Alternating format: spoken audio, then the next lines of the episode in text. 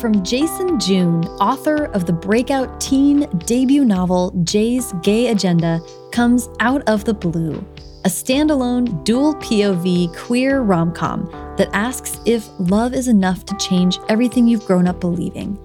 It's perfect for fans of Cemetery Boys by Aiden Thomas and Deep Blue by Jennifer Donnelly. Crest isn't psyched about their journey. That's the month that all teen merfolk have to spend on land. They have to help a human within one moon cycle and return to Pacifica to become an elder, or fail and remain stuck on land forever. Crest isn't into the whole helping human things. They've polluted the planet, including his ocean home. But in Los Angeles, with a human body and a new name, Crest meets Sean, a lifeguard. Crest can complete his journey by helping Sean win his ex boyfriend back, but as they spend more time together, Crest's perspective on humans begins to change, and fake dating just might lead to real feelings. Soon, they start feeling torn between two worlds. This sophomore novel from Jason June dives into the many definitions of the word home and shows how love can help us find the truest versions of ourselves. Out of the Blue is available now everywhere books are sold. Welcome to First Draft with me, Sarah Enni.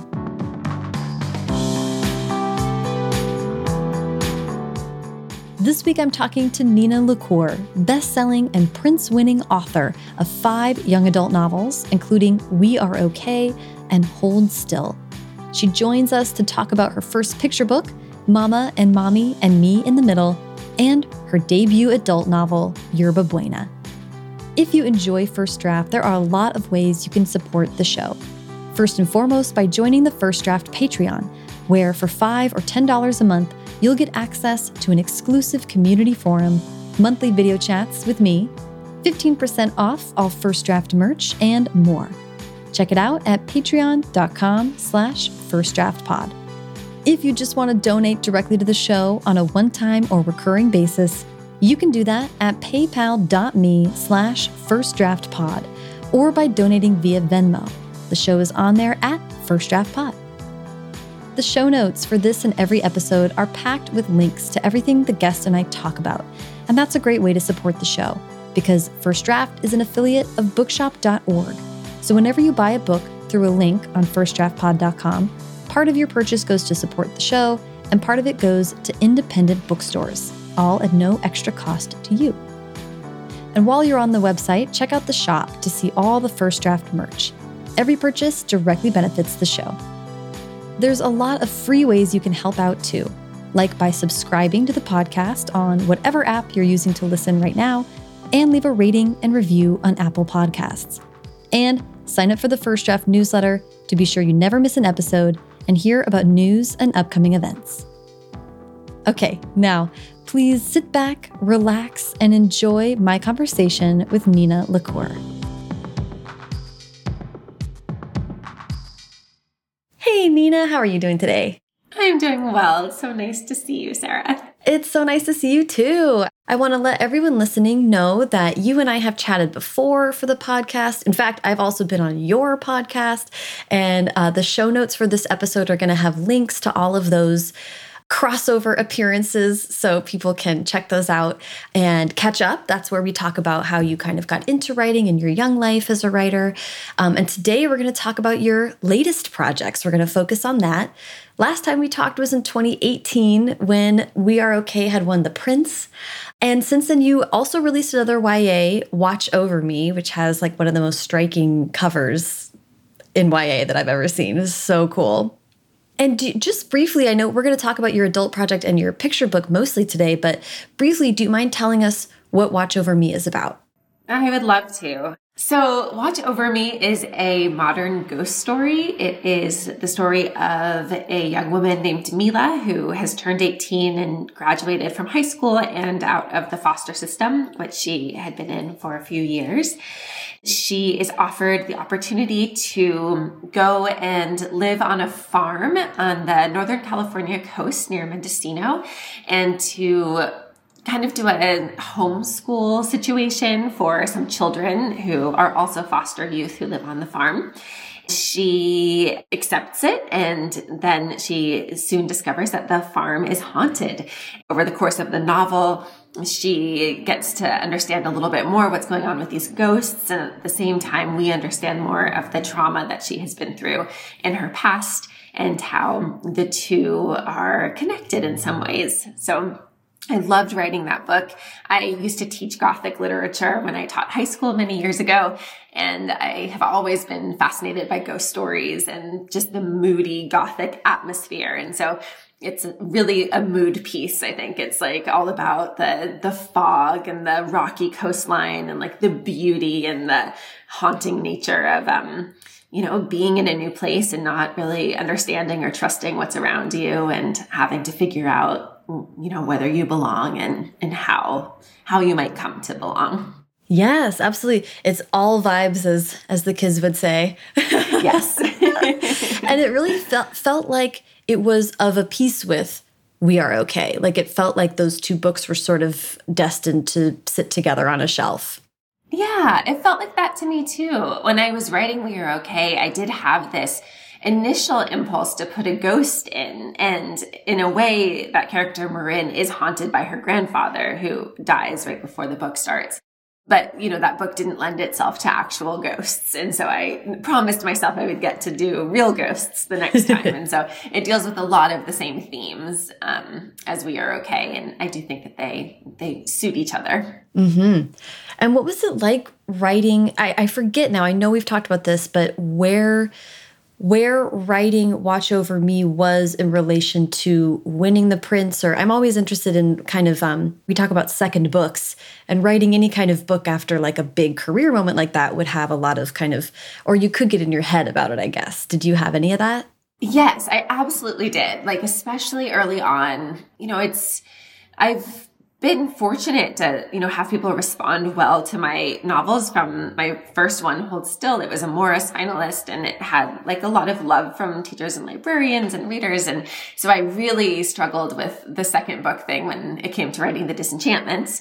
And then, um, you know, I wrote Everything Leads to You after that. And then We're Okay just felt so different to me. Like it really felt just like, ripping out my heart and showing it to the world. And mm. and I realized that that um, you know really paid off in its reception and people really responded to that book. And so it did feel almost like a second book again. That's actually like the perfect way to put it, Sarah. So at first I was totally stuck and I was like, how will I write a follow up to this book that people really responded to?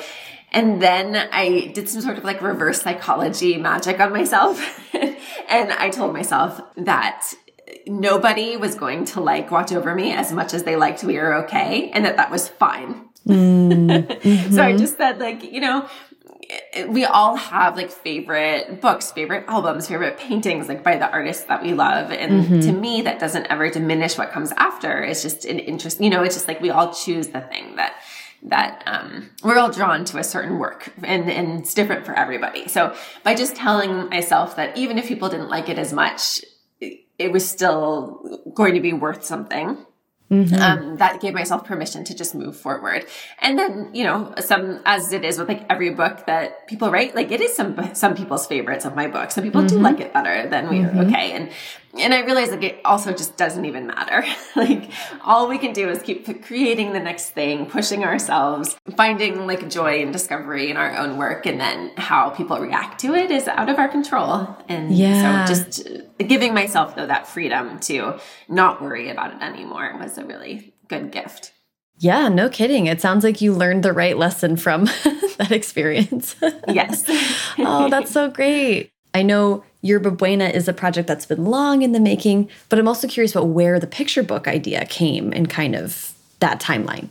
Yeah, well, the picture book, I'm, I'm really bad with the time. So let me think. But the picture book was a very, very long time in the making, too. So I think it was around We're Okay time that I wrote the picture book. So that was, you know, quite a few years ago now but you picture books just take a long time to be made and mm-hmm. um, it's it's interesting because it's something that I wrote in kind of a short burst, but then I, you know, like gave it to Candlewick to do what they were going to do with it. And they hired the most wonderful illustrator, Kaylani Juanita, to do the illustrations. And Kaylani, you know, had a lot of books scheduled before this one. And so it was a bit of a waiting game. And but it ended up being so perfect. And I've loved having a picture book out in the world and the yeah the experience is so different even like the readings it's so fun to read to little ones i we bumped into each other at the la times festival of books and i like went and read on the children's stage to this group of kids and it was just the sweetest experience and i've really enjoyed having the picture yeah. book out so we are talking about mama and mommy and me in the middle which is your beautiful picture book her yeah. Kaylani's illustrations, they're just so mm-hmm. like evocative and beautiful and and detailed. So we'll get to that in a second, but I want to hear about the genesis of the story and also how old your kid was when you were thinking about a picture book level manuscript and what that writing process was like. Okay, yeah. So I teach at Hamline University's low residency program. One of like the wonderful things, even though I teach for YA there, one of the great things is I get to listen to lectures from the picture book authors and sit in and on their you know lessons and do their exercises and so i was very inspired to try to write my own mm-hmm. and so it mm-hmm. really came out of that experience both in the just like I don't know, desire to write a picture book and also the actual book itself, the actual mm-hmm. story, because it's a story about a little girl who is missing one of her moms while the other one stays home with her because one of the moms is traveling for work. Mommy is traveling. Mama is home. And um, my own daughter really dealt with this a lot because my wife Kristen used to travel all the time for work, like almost weekly when when Juju, my daughter, was little.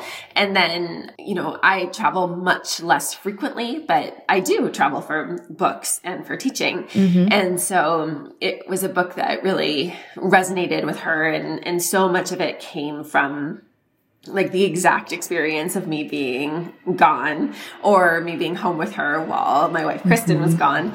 And you know even down to like some of the lines from the book. So like when i first went to teach in minnesota at Hamline when i got home like i had never been away for that many days. I think it was 10 days. In the book it's only a week but in real life it was 10 days. And I was so excited, you know, to see them and to be reunited. And I got in the back seat of the car and my daughter looked at me and she was upset with me. You know, like we've been so excited to reunite and FaceTiming and all of that, she was upset and she covered her cheek and she said, it isn't a day for kisses. And I just, you know, respected that feeling and said, I understand. And we talked about it and then like a moment later her arms were around me and like this like vice like hug that you know then stayed Aww. that way for like the ride home so yeah i was really thinking about how hard it is for everybody like when we are separated from someone who we love for mm-hmm. any period of time and so my my hope for the book was to really reflect like the emotional life of the child and how a child feels when their routine is disrupted in mm. you know one way or another when someone isn't there who used to be. And that's how the book came to be. It feels so um like such a necessary important crucial thing to do to have picture books that are like we're going to talk about a complicated feeling and hopefully open up a a dialogue right between parent and kid like a safe place to talk about this stuff.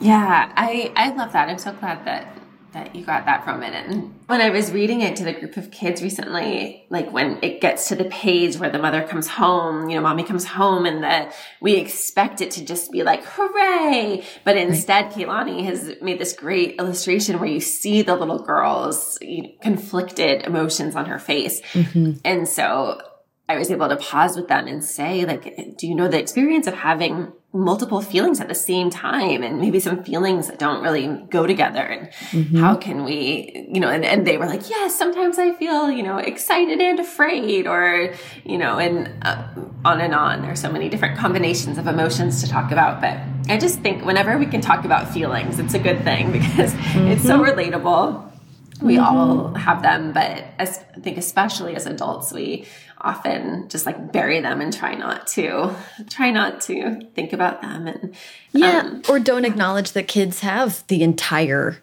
array of feelings already, even if they don't know how to express them or what they are. And then what was the process like of, um, you know, I talked to tons of people who do picture books on the show, and everyone sort of has a different experience with with illustration and finding that right person. Were you involved at all, or were you introduced to Kaylani?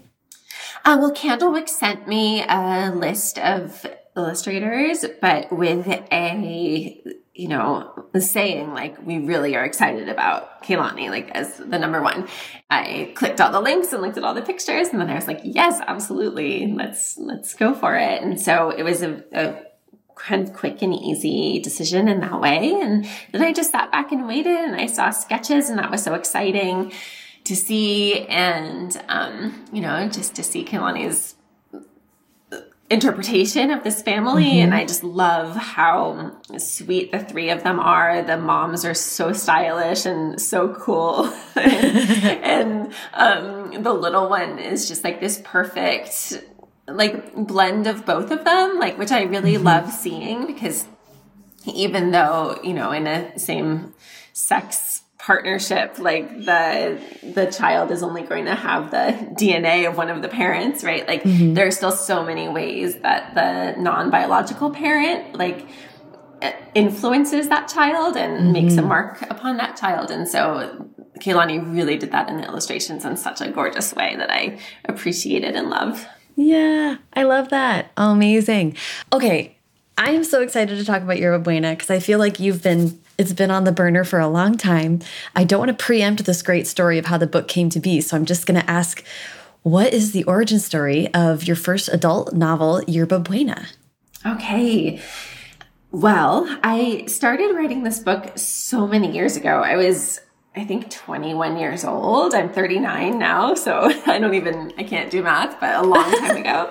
And um I had just finished college and uh, my wife and I went to New York. She's she grew up in New York, and it was my first time going there. And I, it's really funny because Yerba Buena, it's such a California novel, but the first spark of the idea, for some reason, came to me in Brooklyn. So I was like in a cafe. I think it was just like being somewhere totally different. Like there is only one New York, you know, mm, and I'd never mm-hmm. been there before. And here I was, like in this totally different environment and I just remember the space that I was in, and I feel like there was like a velvet sofa and a chandelier, and I just, the character of Sarah just appeared to me. And that was how it began. And then I just started writing these little vignettes about this girl, Sarah, and her little brother, and I knew something sad and mysterious had happened in her past. And and then the years went on.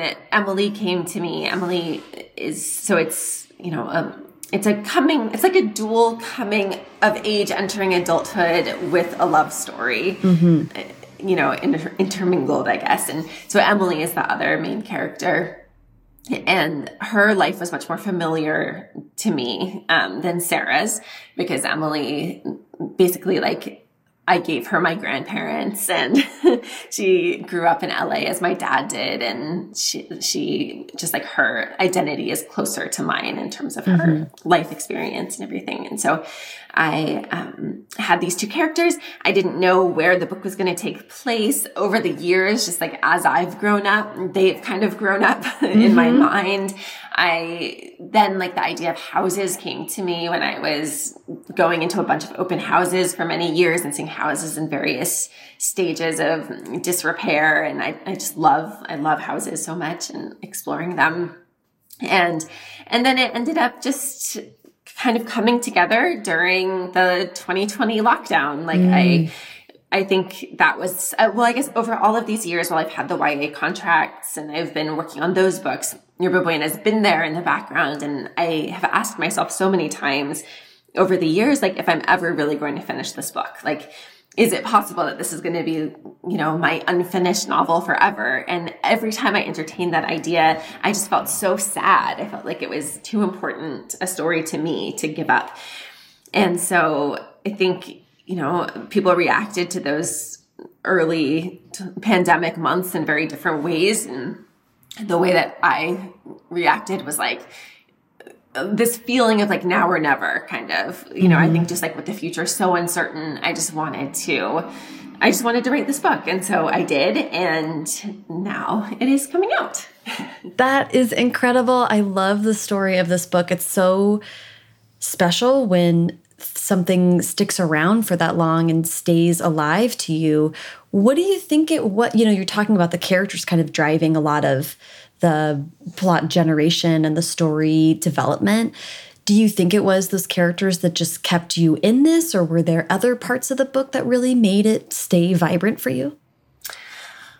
That's such a good question. I mean, I think, yeah, I do think it was the characters. Like, I, you know, so I have Sarah and her brother Spencer, and then I have Emily and her sister Colette, and her parents and her grandmother. And they just, they were so real to me. It's funny because so much of what I wrote over the years just completely got thrown away. But there was something about Sarah and Emily's just bond and their lives without each other and you know i'm all about like longing and yearning in my work like that's like my that's where i like to be when i'm writing and and um, so there's something about their longing like both for each other and just in general in their lives for like a sense of belonging or a sense of purpose mm-hmm. um, that i just felt very tied to and kind of devoted to and so I think part of the struggle for me over the years was like each time I returned to the pages that I'd written, I had changed so much as a writer and I didn't know how to access that voice that I was using anymore or, you know, the set of ideas no longer felt quite relevant to me, but the characters still felt very, very real to me and I wasn't mm. willing to let them go.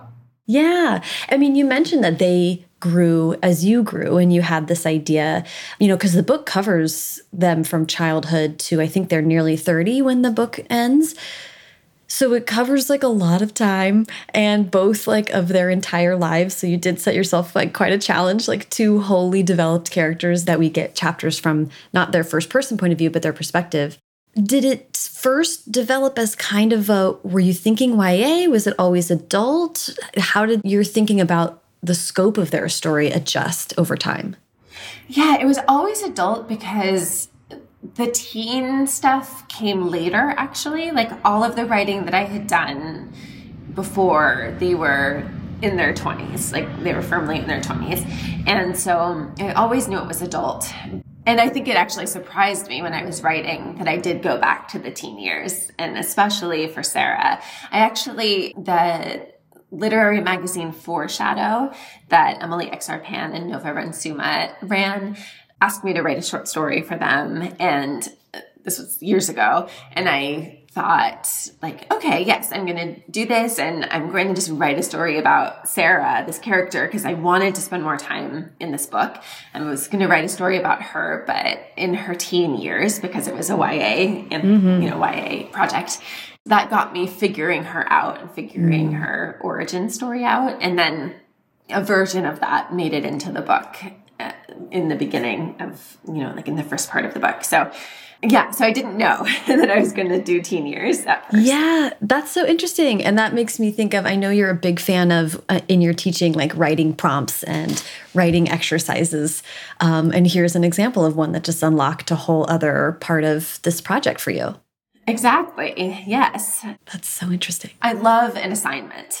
you know, it's like, I, I, actually, part of me hates an assignment and pushes against it and wants to rebel. But then once I give in, I love an assignment. You know, sometimes it's just hard to be, as a writer, to be so incredibly self motivated all the time. Mm-hmm. And sometimes just having someone give you a little flicker of an idea or a deadline is so mm-hmm. incredibly useful. And so, that was very important for the story's evolution. Yeah, I love that. Um, you know, it's such an LA novel. And you've written about LA before, and parts of it happen in, in other parts of California. You say it's a California novel, but I was definitely sort of sinking into all the neighborhoods and um, and just like going along on the journey for them. So, what was it like to write about LA again in this adult way? Yeah, you know, it's so funny because I've never lived in LA. I'm a Northern California born and raised person. But my whole family on my dad's side lives in LA. And I have always visited LA, you know, many times a year. And I feel like maybe there's something about it where it's like just distant enough that I'm able to write about it in a mm-hmm. way that mm-hmm. doesn't feel as like complicated as writing about where I have lived all my life or something, mm-hmm. but also familiar enough and like so much a part of who I am that I feel like I'm comfortable writing about LA.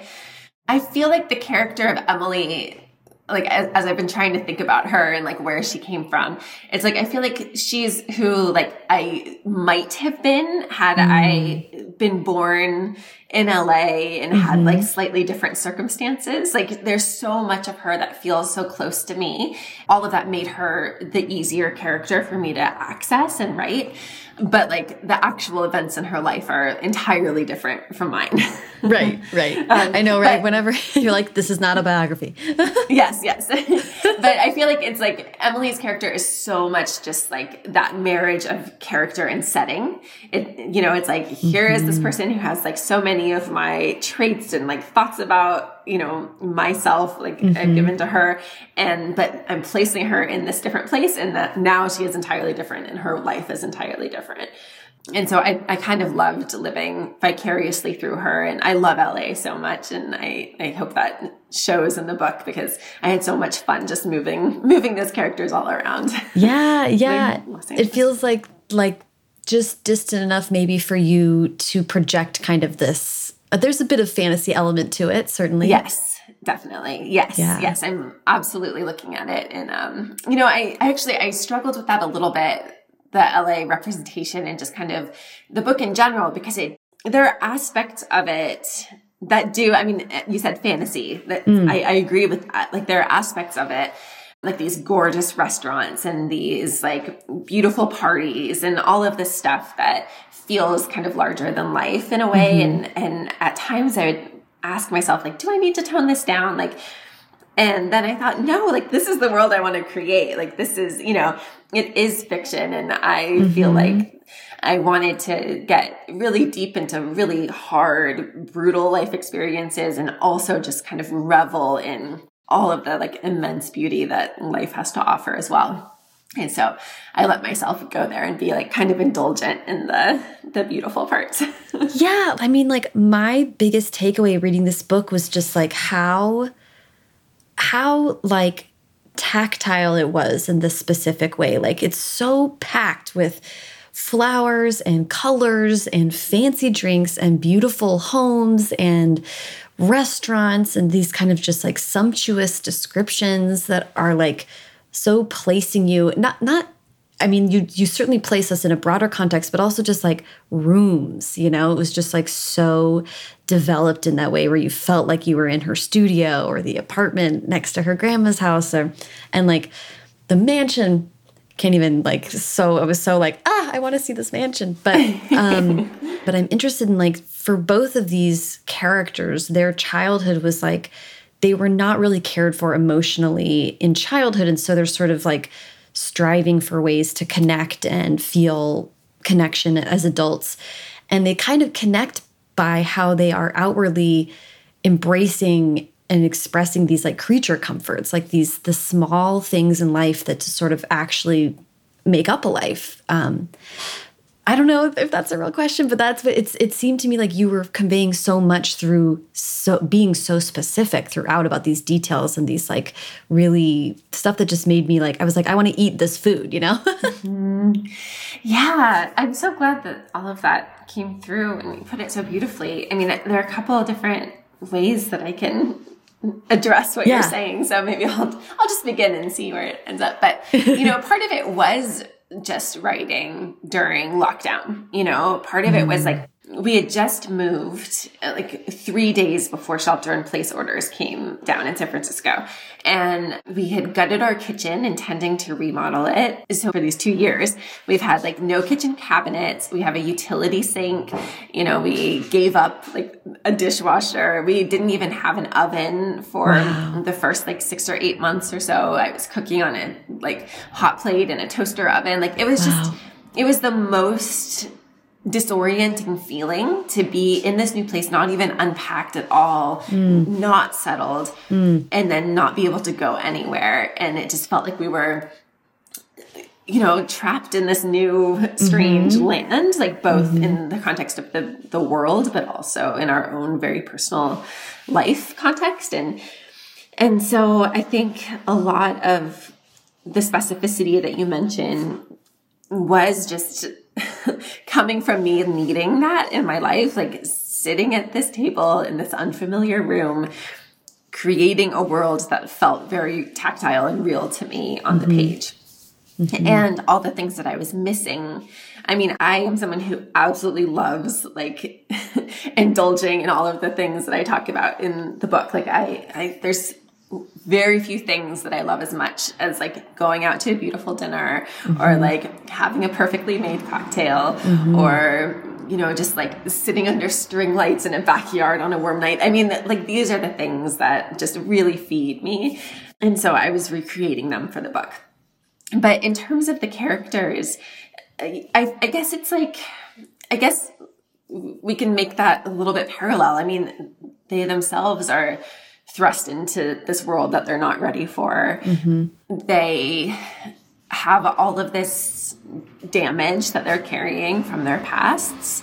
Like parts of their identities are very tied to the past. I mean, especially for Emily, she very much identifies as being like the younger sister of a drug addict who she can't depend on but loves very much and like that mm-hmm. this is like the narrative that she has about her own life and that she needs to be kind of the boring safe sister mm-hmm. um, and so that her sister colette can have the more tumultuous life and she also lives in fear of surpassing her sister because she has idolized her so much in, in their youth. And so she's like very stuck in this place and needs to kind of learn how to create a meaningful life for herself and how to break out of, of that box that, you know, she was once put in, but that then she keeps herself in for a long time, mm-hmm. you know?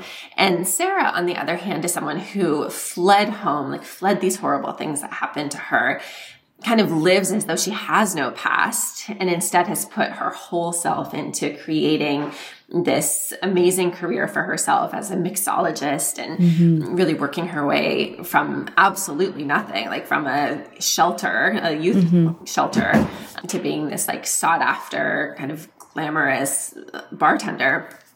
And so each of them is really really figuring out who they are or running from who they are through these things that they make and this beauty that they offer the world. And so I think um, their trajectories were very interesting to me and, and writing this kind of dual point of view novel and thinking about like how do their stories need to interact with each other like how do their trajectories mm-hmm. need to line up that was one of my biggest creative just conundrums for the story and emily is really about like kind of a steady build. Like, you know, she grows and grows and grows and gets more and more accomplished and finds clarity and and she has this kind of like fairly neat plot progression, like trajectory upwards.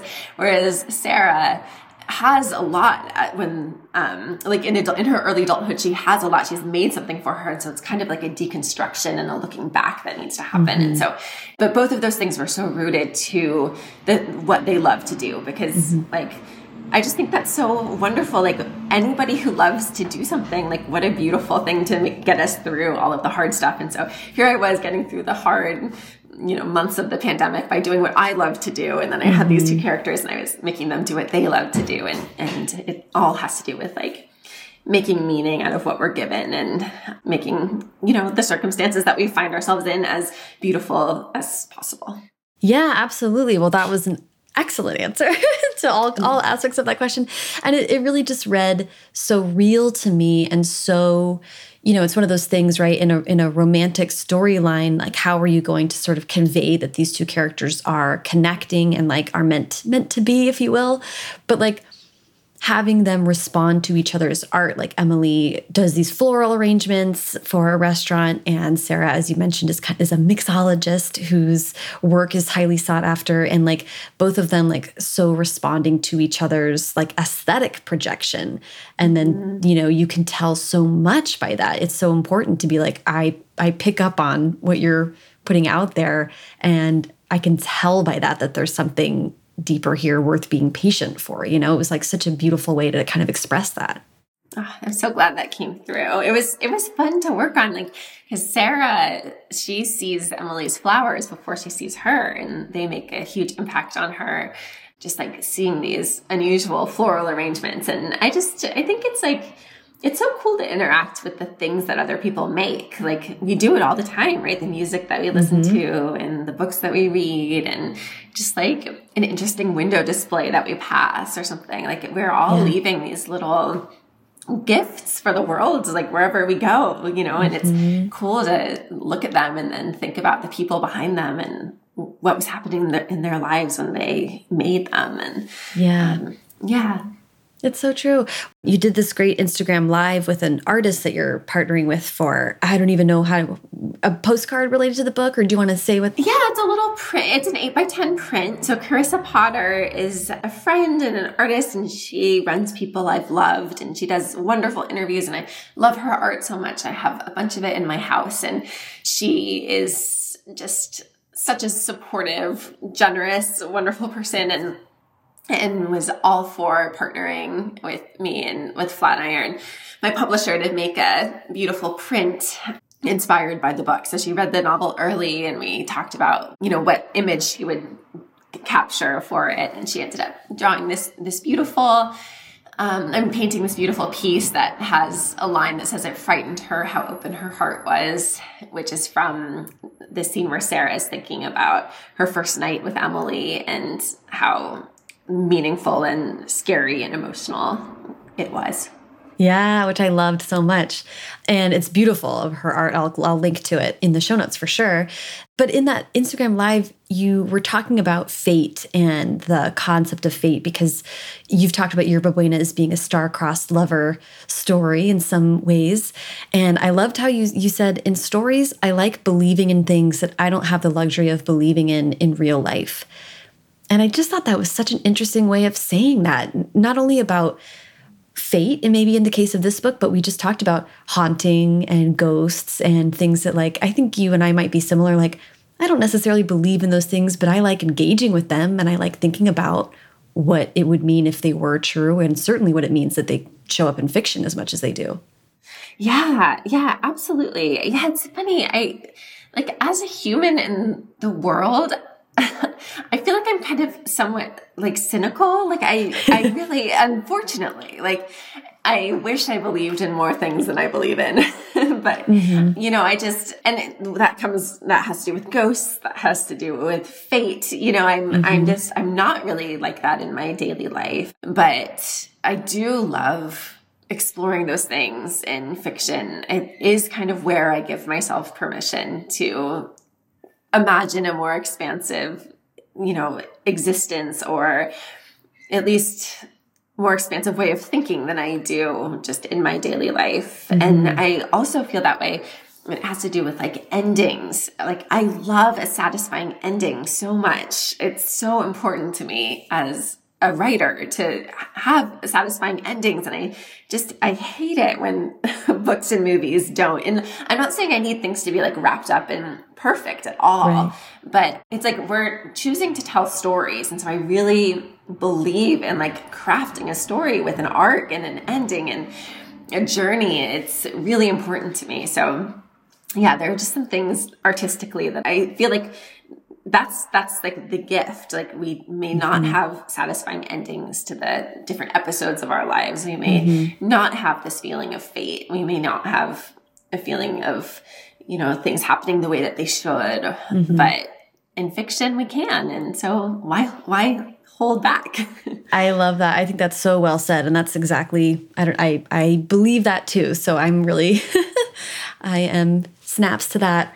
Um, and you're making me think of, um, you know, I just was talking to friends today about like uh, uh, the upcoming movie Maverick, which is the sequel to Top Gun, and we uh -huh. were like, uh-huh. we're like, you know, it's a really hard time in the world right now, and we're really glad that we have like mm -hmm. something that something to look forward to. Like this is part of the purpose of art, right? Is to give us like that's just going to be two hours where I do not think about other things going on Yeah. And it yeah. felt to me like in Yerba Buena, you you've mentioned that you are talking about very real stuff. Both of these characters mm -hmm. are mm-hmm. dealing with very real disappointments and, and tragedies in their lives and complicated ongoing relationships.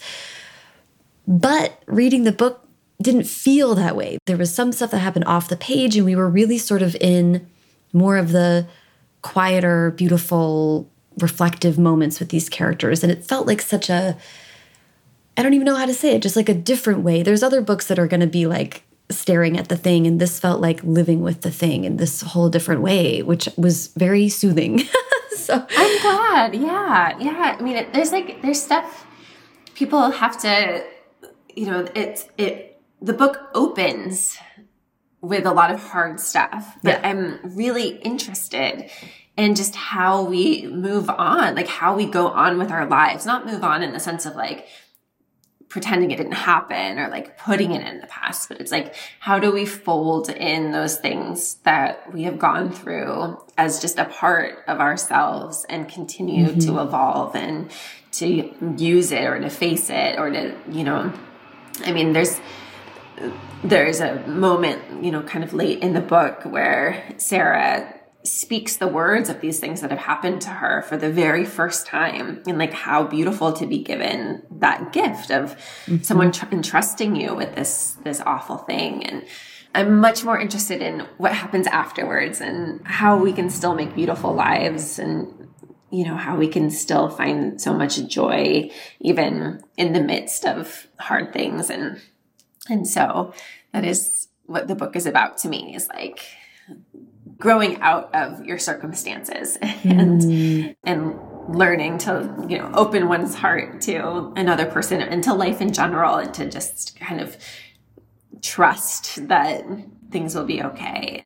Yeah, you know, it's funny because that's not not covered in your YA books. That is something that I can sort of see the echoes in, in in, almost all your books, but you really do get to engage with it in this different way in Yerba Buena. And I loved that there were long stretches. You know, we cover a lot of time in the book, which was really sort of fun to feel like walked through the accumulation of a life, you know?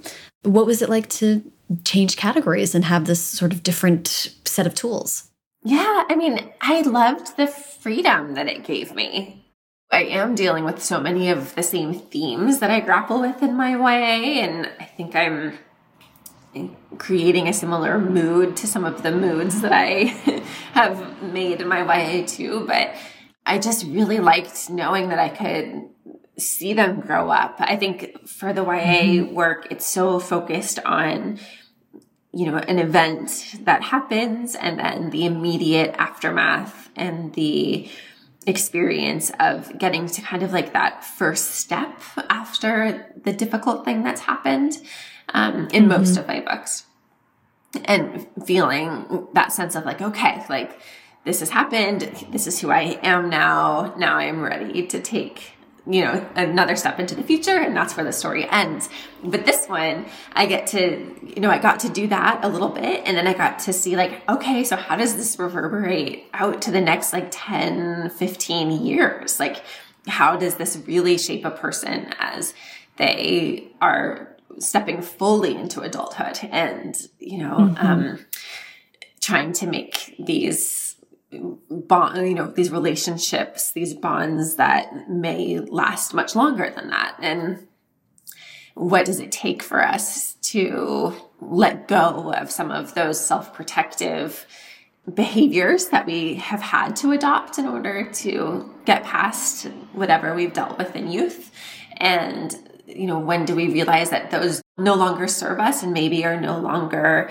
relevant or necessary for the lives that we are currently inhabiting? And, and how how do we let those go? And what does that take? And how does that feel? And you know so many of these questions that i just haven't been able to explore when my characters are limited in age. And so being able to span 10 plus years just felt so liberating. And I loved writing about adulthood. you know, like I really loved it. I thought that it was just fascinating to be able to write about all of these adult situations um, that I mm-hmm. just haven't been able to before. And so I'm I'm working on another adult novel now, and it's just fun to even, you know, get deeper into all of that stuff. And I still love YA so much, and you know, I'm going to continue writing YA and have a, a work in progress in YA as well. But I I like being able to do do it all.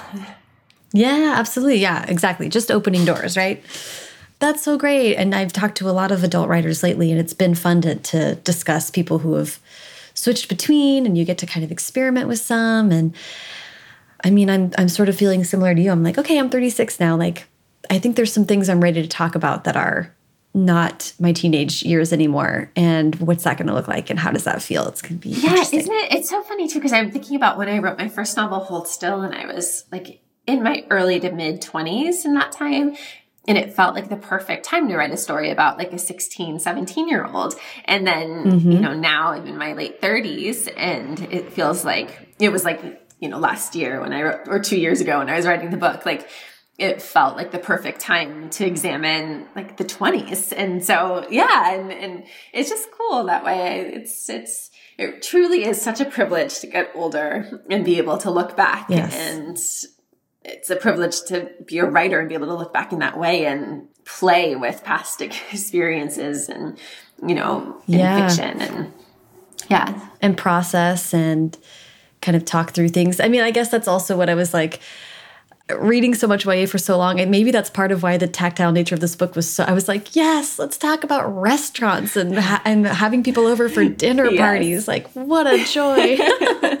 I know being like, an adult. This is actually my yeah. life. also, like the twenties, like what a wild time, right? Like, it's like yeah, you're an adult, but you're also just figuring it out, and some of so much of it feels like dress up or something in, in retrospect mm, oh, you totally. know that's like but it's real at the same time it's just um what a fascinating time oh yeah every single person is like wait there's not a manual yes so like oh no um well it was such a joy to read i'm, I'm so happy we got to talk about it um can you say anything about exciting things that might be happening with yerba buena Oh, yes. Okay. So some things are secret, but I can share that it has been optioned for TV. And I am very like lucky and happy to be co-writing the pilot for it with my dear friend Elana K. Arnold, who has been on this podcast and who is just so brilliant and just like a dream of a writing partner in every way. And so we have been working on a pilot I can't say any specifics about who's attached, but I'll just say that they are incredibly exciting and I admire everybody who's working on it so much. And I, I'm hopeful that, you know, the, the project will continue to move forward.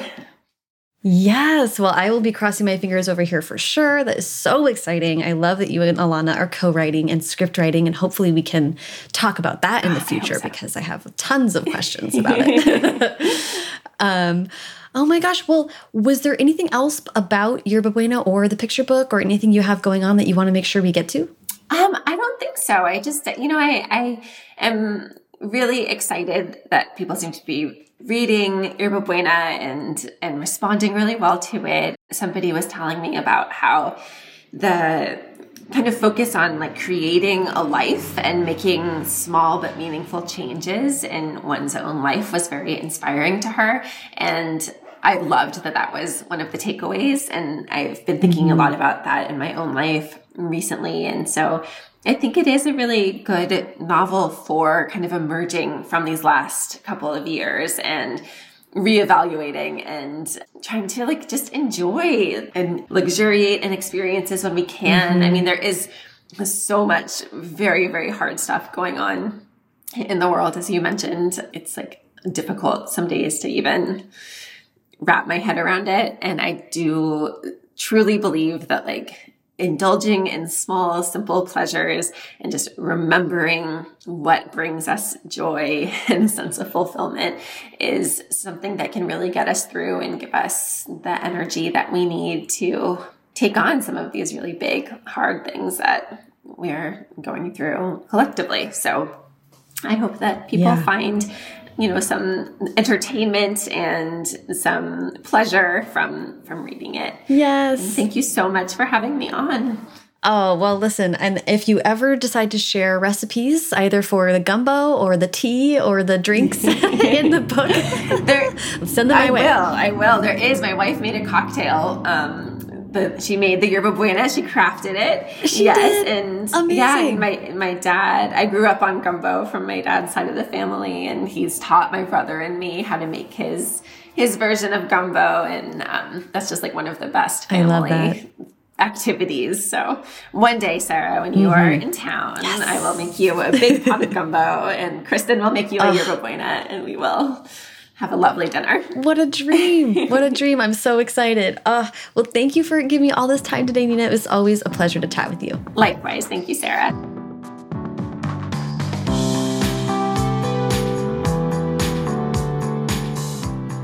Thank you so much to Nina. Follow her on Twitter and Instagram at Nina underscore LaCour. And follow me on both at Sarah Enni and the show at First Draft Pod. First Draft is produced by me, Sarah Enni.